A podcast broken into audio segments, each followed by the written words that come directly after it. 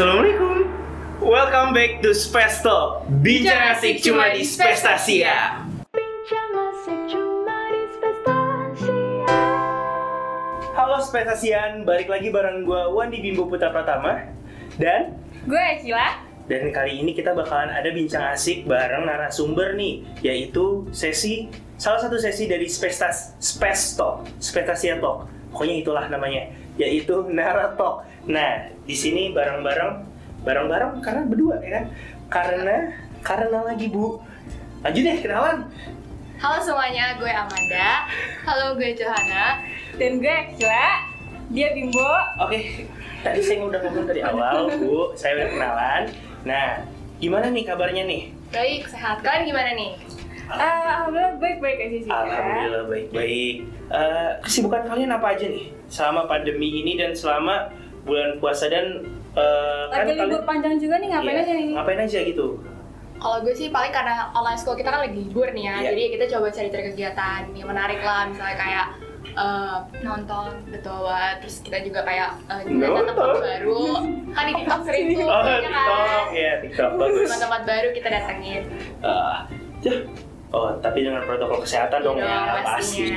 Jaga protokol kesehatan di rumah. Iya, Nah, eh, selain dari sekolah kan kalian sibuknya kayak masih jalan-jalan dengan protokol ya kan? Nah, kalian bikin kayak eh, apa ya? Kayak kesibukan lain nggak? Kalau gue kan eh, karena, duh, kayaknya gue gabut nih bakalan di rumah. Gue join osis ah gitu. Kalau kalian gimana? Betul dong, kita punya organisasi namanya Gen Z Issues. Oh, Gens Issues. Nah, jadi kan eh, tadi kan kalian notice tentang Gen Z issues kan? Mereka para penonton belum tahu nih Gen Z issues itu apaan.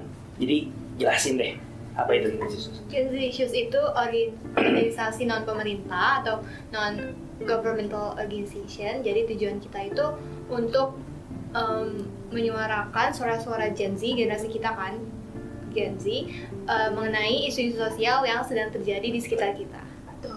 Isu-isu sosial contohnya gimana tuh? banyak banget ada mulai dari kesehatan mental, tentang toxic masculinity, tentang eh, gerakan perempuan dan masih banyak lagi di sini. Oh, berarti itu topik-topik yang kalian angkat gitu. Tuh, Iya. Sosial gitu. Nah, Awal mulanya kalian bisa sampai terbentuk Gen Z Issues ini tuh dari mana? Kayak tiba-tiba kepikiran mau bikin itu gimana? Eh, dulu inget gak ada demo tentang RUU Cipta Kerja? Yes, ingat. Ya waktu kan juga beriringan sama RUU PKS. Nah dari situ kita mulai lihat kayak ada akun-akun yang nge-share tentang infografis eh, RUU Cipta Kerja itu apa sih, RUU PKS itu apa. Nah dari situ kita juga mau eh, buat akun yang mengedukasi teman-teman kita dan orang lain juga. Mengedukasi edukasi gitu. Nah, misalnya kan kalian eh, jatuhnya ini kan kayak organisasi kan. Iya. Nah, kalian gimana sih kalau misalnya pengen nambah anggota-anggota untuk eh, organisasi kalian tuh gimana? Oh. Cara daftarnya gitu. Kalau mau masuk jadi bagian kita gitu ya. Iya betul. Oh, kita baru aja nih open recruitment eh, dan kalau Sampai misalnya sekarang masih. Oh kita udah udah close, baru Oh. merekrut uh, anggota baru gitu. Jadi as long as kalian masih Gen Z, masih berusia 15 sampai 24 tahun kan, Gen Z uh, bisa dua bahasa, bahasa Indonesia, bahasa Inggris, terus kayak tertarik dengan isu-isu sosial tuh boleh banget join ke kita. Nanti bakalan ada open recruitment lagi gak? Pasti soon. Kenapa tertarik ya? Iya. Makanya pantengin di IG-nya. Gen Z issues. Oke. Apakah ada tanggal pasti gitu? Oh belum. Oh, Masih Karena baru planning. Pak. Masih planning, planning. Besok pengen bangun mall. Enggak kan? Enggak mungkin. Nah, terus eh, gimana nih kalian ngebagi waktu antara ngurus Gen Z Issues ini sama sekolah atau mungkin ada kesibukan lainnya itu Terus gimana? kan tugas-tugas banyak banget Yes, tuh. nah, terus menjelang pas juga kan ya.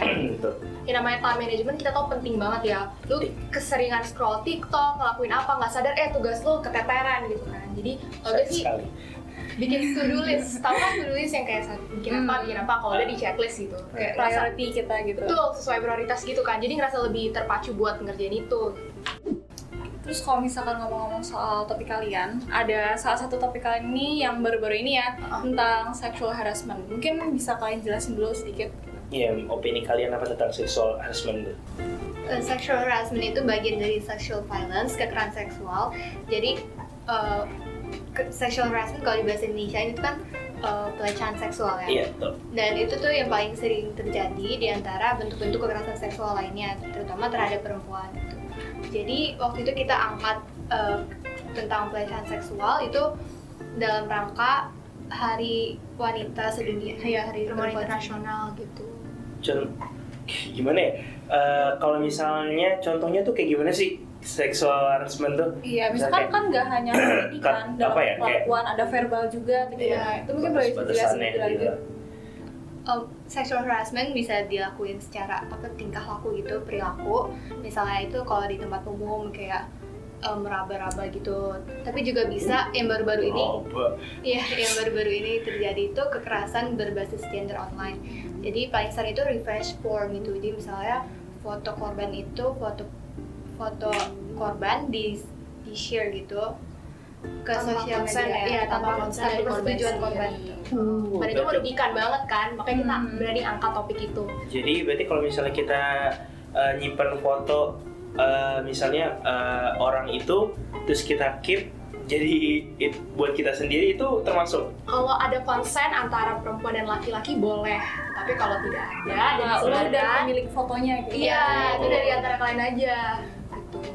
Dan asal nggak lo gunakan untuk aneh-aneh sih. kalau misalnya misalnya kita pada para cowok misalnya kita muji untuk kalian kayak uh, halo cantik kalau misalnya sekedar kayak gitu tuh gimana? Kalau hanya sekedar kayak komplimen kayak emang lagi cantik gitu, jadi hai cantik gitu kan lo Iya. ngomong gitu kan, Iya. gak ada unsur lain kan, Iya. nah itu nggak apa-apa. Halo cantik gitu kayak ngegoda gitu gimana? Agak jijik Bim ya. Ah, jadi kru kita nih ada yang bawel nih Um, pengen nanya Bapak Jaka silakan masuk saya pengen nanya apa tuh Pak pertanyaannya Kalau masuk masuk wow. kalau misalkan nih kayak di TikTok ada eh TikTok kayak gitu kan tahu. Terus kita yang nonton bilang kayak, ih cantik banget nih orang. Itu Iya. gimana? Negatif kah atau positif kah? Iya, jatuhnya Jadi kami apa? para para jantan tuh sering ngeliat itu kan TikTok kayak gitu bilang anjing cakep banget. iya jadi gini. Iya, boleh boleh jualan kalau ngomong eh, eh, eh, cantik ya kayak gitu mah nggak apa-apa.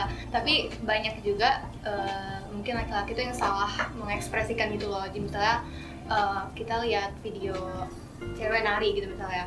Terus misalnya eh, komennya itu yang seperti eh, apa ya yang kayak bukan secara langsung memuji gitu loh. Iya. Verbal ya. Jadi gitu. lebih uh, ngelihat lagi pemilihan katanya itu jangan sampai menyinggung si pembuat video ini. Gitu. itu kan tadi bilang joget-joget ya kalau misalnya orang tua dulu tuh biasanya bilang makanya pakaiannya tertutup dong gimana itu gimana tuh Nah itu juga apa yang kita angkat nih ya kan. Salah satu fokus kita juga di situ.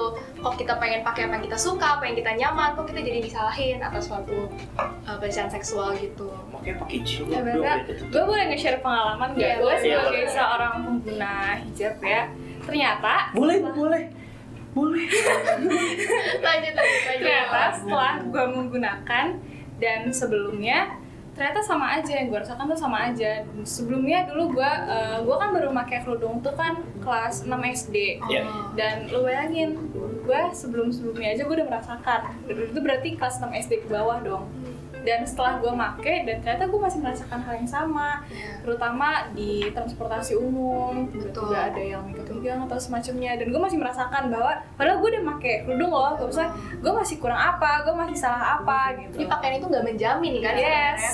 Mau setertutup, setertutup apa pun lo, bisa aja seksual itu terjadi di mana pun, kapan pun, dan oleh siapa pun. dan kepada siapa pun juga sih Iya, ya benar. jadi buat para cowok jangan jadiin pakaian itu sebagai alasan untuk lo ngelakuin pelecehan seksual bro Betul. Gitu. Eh, terus ada lagi topik kalian ini yang menurut gua lagi relate banget sih akhir-akhir ini karena sekarang lagi pandemi. Eh, kalian ngebahas tentang kesehatan mental. Ya, betul. Gimana gimana menurut pandangan kalian mengenai kesehatan mental selama pandemi ini? Terutama buat kita misalkan anak SMA gitu gimana? ya kan sering di rumah terus kan jadi kayak nggak ngapa-ngapain aktivitas Di cycle sosial jarang Hmm. ketemu temen jarang gitu gimana menurut Bener kalian banget. Jadi kesehatan tuh kayak berpengaruh banget gitu kan. Kayak kita pasti merasakan di rumah itu kita selalu jenuh, terus merasa apa ya terperangkap gitu loh. Jadi, karena kita di dalam rumah terus. Kayak terperangkap dalam satu cycle yang sama, terus nanti ngerasa burn out, terus nanti kayak Iya. salah nyalain diri sendiri kayak kenapa sih gue males? Padahal emang emang lagi itu gitu loh, tapi ya gitu sih. Dan terus kalian tau gak sih di TikTok tuh kayak ada suka konten tentang kesehatan mental tapi yang salah gitu. Misalnya nih tentang uh, anxiety orang bilang anxiety itu suka gini-gini jari atau Hmm. kakinya suka suka gerak-gerak gitu pas lagi ngomong sama orang. Padahal enggak juga ya. jadi banyak banget konten tuh yang belum terbukti kebenarannya gitu loh di TikTok. Dibilang kalau misalnya kaki lo sering goyang-goyang nih, Iya. lagi ngomong sama orang, itu tadi lo punya anxiety gitu. Padahal belum tentu semua orang tuh punya symptoms yang sama gitu. Oke, kalau misalnya itu kan kayak apa ya? Itu menurut lu tentang gejalanya. Kalau menurut lu definisinya anxiety itu apaan sih? Gue nggak tahu masalahnya. Anxiety itu kayak kegelisahan yang berlebihan gitu. Jadi respons diri lo terhadap suatu keadaan. Dan Oh, semua kayak- orang menunjukkan hal yang sama gitu Iya, ya. iya. Atau kami Gue lagi gue ngemikirnya kayak eh, kalau cowok tuh kayak gitu kalau lagi kebelet kencing pasti kayak beda beda kan ya, beda kasus. Beda kasus yang kali ini. Berarti mental healthy itu eh, tergantung diri kita sendiri kan ya. Iya, nggak semua orang punya keadaan mental yang sama kan soalnya masa kita pukul rata semua orang, semua orang anxiety gitu kan enggak. Betul, betul, betul. Kayak pepatahnya Albert Einstein, yo jika kamu menilai suatu jika kamu menilai ikan dari cara dia memanjat pohon, maka ikan itu akan merasa bodoh seumur hidup. Wis. Iya dong, berarti nggak bisa dipukul rata. Hmm. Karena apa sih situasi hidup tiap orang juga beda kan. Ada yang mungkin alhamdulillah punya keluarga yang suportif, kayak teman-teman yang pengertian. Ada juga mungkin yang di keluarga lebih mungkin tradisional kayak misalkan anggap mental health itu apa sih masih enggak kamu ya. aja males gitu. Iya. Kamu aja males. Loh? Atau enggak kamu sih kurang ibadah. Iya. Iya. Oh. Makanya kayak gitu. Kan misal pendapat kalian mengenai itu mental health yang dikaitkan dengan ibadah itu gimana? Kalau gue sih merasa itu enggak enggak ini banget loh. Enggak enggak berhubungan Iya. gitu Hmm. ya. Tapi orang tua masih suka ngebahas kayak gitu. Coba lu pernah gak kayak lu lagi belajar nih sekolah tiba-tiba lagi guru ngejelasin terus lu nggak tahu lu ditanya habis itu kayak Dek, tolong angkatin jemuran. Nah, Oh itu iya, iya, itu kesel bener-bener. banget sih. Kayak, kayak, mah aku lagi belajar. Iya juga, merasa, juga. merasa bersalah juga kalau nggak nolongin. Emang kalian kalau misalnya nggak ada gen Isus gitu, kalian pengen ngapain gitu sehari-harinya? Kalau misalnya nggak ada nih tiba-tiba gen Isus, kalian mau ngapain? Jadi mikirnya kalau sebelum kita bikin Gen Iya. Z sekalian eh main school sih, apa lagi ya? Iya, paling itu aja sih. Nonton, ya kayak keseharian kita pas pandemi aja sih bosen, makanya kita buat biar ada tambah Iya. kegiatan. Oh ya, terakhir nih gue mau nanya, kenapa menurut kalian uh, kita sebagai generasi Z ini uh, penting buat menyuarakan opini dan pendapat kita mengenai suatu hal kayak kita juga kan apa ya, kita masih anak SMA, kita bisa Betul, apa sih iya, atau iya. apa gitu. Kalian gimana? Eh, yang pertama kan kita pasti punya pendapat masing-masing kan Hmm. mengenai ini mengenai itu. Nah, eh, kita tuh mau jadi platform buat eh, Gen Z untuk menyuarakan karena yang tadi eh, lo bilang kan kalau misalnya kita masih SMA ngapain sih ngomongin ini Iya. gitu. Ngerti apa sih kalian Iya, gitu? kayak kita Yes. mau buktiin juga kalau kita tuh bisa gitu loh. Salah satu topik yang kalian bahas pas pertama-tama ini ada mengenai beauty standard. Mungkin boleh dijelasin sedikit mengenai topik tersebut ya. Oke, beauty standard atau kalau di Indonesia itu biasanya kan kita apalagi sebagai perempuan kan pasti kita disuruh uh, kulitnya pu- harus putih gitu, kalau nggak boleh keluar keluar, nggak nanti hitam gitu gosong. Habis itu kita juga apa harus tinggi kayak gitu kan misalnya. Itu kayak uh, proporsionalnya kayak gitu. Iya, iya. Jadi kayak kalau misalnya lu nggak putih lu nggak cantik gitu. Iya, misalnya kayak gitu. Eh, oh masalah beauty standar nih buat gue cowok kalau misalnya gue ada pertanyaan misal bukan misalnya sih emang gue ada pertanyaan Oke. nah jadi pertanyaannya tuh kayak eh, kita para cowok kan eh, biasanya kayak kalau misalnya cowok kan disuruh milih nantinya kayak eh, beauty standar tentang beauty standar beauty standar tapi dia tuh harus milih kayak sesuai selera dia gitu Oh, nah itu pasangan gimana? nih, ceritanya milih pasangan. Iya, milih pasangan. Tapi kan karena kita pada cowok kayak se- selera kita gitu. Oh, ada selera masing-masing gitu. Iya, selera masing-masing. Kalau itu kan lebih ke selera masing-masing. Jadi kalau misalnya memilih pasangan sesuai dengan selera itu nggak apa-apa banget.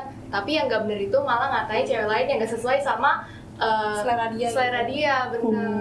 Gak apa-apa lu kalau mau pilih cewek cantik untuk lo jadiin pasangan lo, gak apa-apa. Lagi pula definisi cantik itu kan universal ya. Iya, benar. Betul. Kalau kata guru gue mas, semua cewek cantik sesuai selera. Betul. Iya. Terus yang bahaya tuh uh, toxic beauty standard itu. Ah iya tuh ada istilah namanya kan toxic beauty standard gitu. Nah itu gimana sih maksudnya? Kan udah toxic tuh berarti kan udah jelek tuh. Nah itu gimana? Jadi suatu beauty standard itu bi- bisa menjadi toksik kalau misalnya gue nih uh, gue maksain untuk me- apa ya memenuhi kriteria itu biar gue dibilang sama lo pada tuh cantik gitu. Oh, fit in gitu. ke dalam suatu Misalnya nih standar. kulit gue ini kan sekarang sama matang gitu. Iya. Gue gue maksain pakai krim pemutih lah, Oh, apalah. Justru Jadi malah orang lain kita ya. Iya malah ngebayar diri sendiri. kita jadi orang lain gitu demi untuk memenuhi standar itu Nah, itu toxic. Gitu. nah eh, buat buat spestasian nih kalau misalnya pengen tahu gimana sih eh, kelanjutan eh, tentang lebih jelasnya tentang beauty standard bisa eh, bisa kepoin di IG At Gen Z Issues. Langsung aja dicek di situ. Kita banyak juga ngebahas seputar isu-isu sosial lainnya. Nah, terus eh, buat kalian yang pengen terus update tentang Baskom Karasel, kalian bisa follow di Instagram, Twitter, TikTok. Oke, btw dia mau nyebutin username ya. Username itu baskomkarasa.68. Nah, eh, dari ini para bintang tamu kita hari ini, apakah ada kesan-pesan buat para spestasias di luar sana mengenai misalkan regarding their mental health atau semacamnya? Oke, mulai Pesan dari untuk Ahmad orang-orang yang masih ngeremehin tentang Yes, seperti ini. eh, nah, ya. tuh. isu-isu ini. Ya. Uh, kalau dari gue sih jangan pernah takut untuk speak up. Mungkin kita masih Gen Z, kita masih anak SMA. Hmm. Dibilangin sama orang tua, lo lo tahu apa sih, bisa apa gitu. Gak usah hirauin kalau lo mau speak up, speak up. Tapi jangan lupa kalau mau ngasih pendapat, searching dulu. Maksudnya research, bener nggak info yang lo dapet itu valid atau enggak gitu. Bener, karena sekarang udah banyak banget informasi kan di internet, kayak kita bisa cari di mana aja. Gen Z 2019. Eh, 2021 dong. Ya, betul gue mau terima